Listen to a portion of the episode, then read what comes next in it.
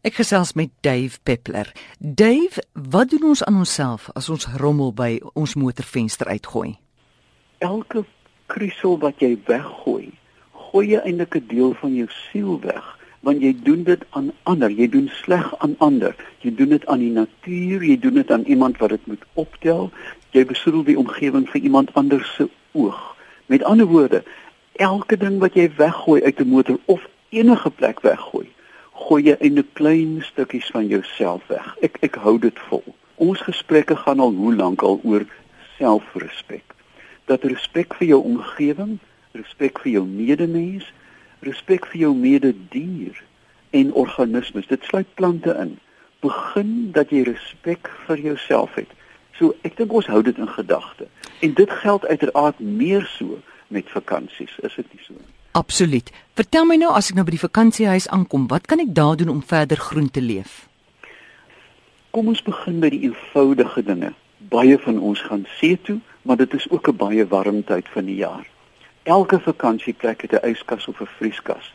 Neem 'n bottel kraanwater, dit is gewoonlik baie goed. Sit 'n skyfie suurlemoen daarin en as jy toegang het tot 'n tuintjie of ergens by 'n supermark koop 'n 'n pakkie met ment, kruisement druk jou suurlemoen kruisement in jou bottel water en of jy vries hom of jy hou hom in die yskas. En geen gebottelde water kom daarby nie. En jy gebruik daai bottel oor en oor en oor. Dink 'n bietjie daaraan dis droogte almore, jy weet. En nou met gebottelde water met 'n vragmotor of met 'n trein of met 'n lorry ergensheen gery word, dis brandstof. Die die voetspoor van daai bottel raak by die dag groter. Jy kan dit ernstig verminder deur jou eie saam te neem in jou bottel of houer oor en oor te gebruik. Dan ons het pas gepraat van rommel.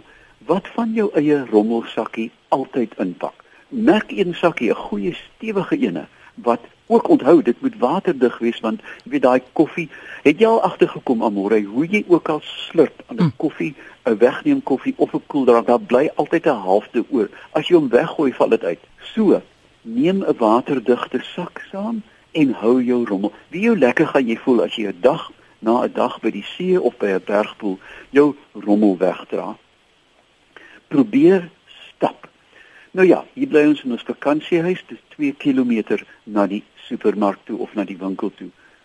Wat van selfs voor ontbyt stap en gaan koop jou melk? Moenie ry nie. Of as jy die luukse van 'n fiets het, ry fiets. Kom ons bly weg van brandstof. Ek weet dit is goedkoop, maar dit is geen verskoning om dit teesta te misbruik nie. Eet eenvoudig amore. Eet eenvoudige goeie kos. Weet jy ons oorvreet ons mos. Hemel, weet alleen ek dink aan Kersfees wat jy 'n gidshond het om van die tafel af weg te kom.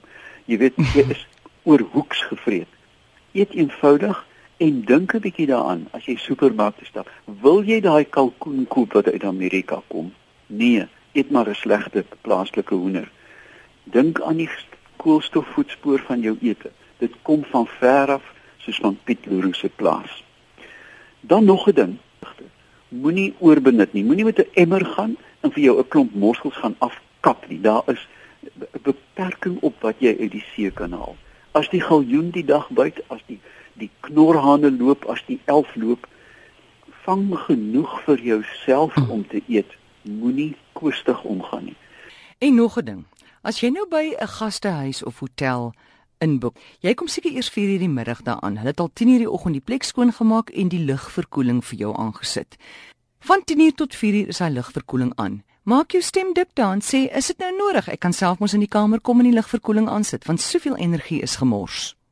Ek weet almore, ek weet gewonder dat Eskom onder soveel spanning is, maar daar's natuurlik ander redes daarvoor. Uitlik het 'n mens nie minus 500 nodig om te kan oorleef nie as jy die temperatuur 3 of 4 grade onder die buitetemperatuur stel, hmm. is, is dit aanvoelbaar. Jy verstaan, ons hoef dit nie op 16 te hê nie. 20 grade is oorgenoeg om enige mens gemaklik te hou. En dink daaraan as jy uitstap. Ek weet dit is lekker om in 'n koelkamer in te kom. Maak die vensters oop laat die warm lug ontsnap en dan skakel jy dit aan. Jy's doodreg. Ons gaan koestig om met lugverkoeling. En moenie elke aand vars handdoeke verwag nie. Jy doen dit nie by die huis nie. Gebruik een handdoek sê maar vir 3 aande. As jy uit die bad uit klim, is jy überhaupt soos die Duitsers sê skoon. Jy verstaan, jy gaan mos nou nie jou afdroog voor jy in die bad klim nie of in die stort nie. En as jy die handdoek hang waar hy lug kry, is hy kraakvars. Ek dink ons het hierdie sindelikheid, jy weet van elke tweede aan nuwe lakens so aan. Jy's doodreg. Hang hom buite oor die balkonreëling met 'n wasgoedpennetjie. En jou handdoek is kurkdroog en neutvars as jy kom. Dis water wat gebruik word, dis krag wat gebruik word, dis chemikalieë wat in die water ingaan. Amore dit kos net 'n bietjie dink. En dan word dit kultuur, dit word 'n familiekultuur. Mm, mm. Ek het uh, my kinders hysteries gehad oor etikette lees. Nou is dit tweede natuur. Hmm. Waar kom die blikkie vandaan? Hoe ver het hy gery? Dit is ensovoorts. En as 'n mens daai instelling het met vakansie, dan neem jy dit saam terug huis toe amorei en dit bly kultuur. Dink is nie genoeg nie, Dave. Ek ken soveel mense wat baie slim is en baie dink. Omgee, dis wat ons nodig het, omgee. Dink is nie noodwendig gelyk aan omgee nie. Onthou jy môre ons het al gepraat in in in vorige programme oor gemeenskappe. Ons moet leer om al kan ons dit nie fisies doen nie, om in geestelike gemeenskappe te begin lewe.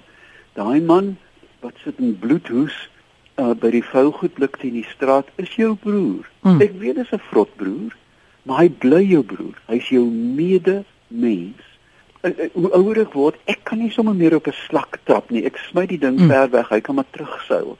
Want ek weet ek is deel van hierdie verweefde web. Hy daar was 'n verskriklike sleg kunstenaar, Hundertwasser in Duitsland. Ja. En hy het altyd gesê, "Because you are on earth, you will behave."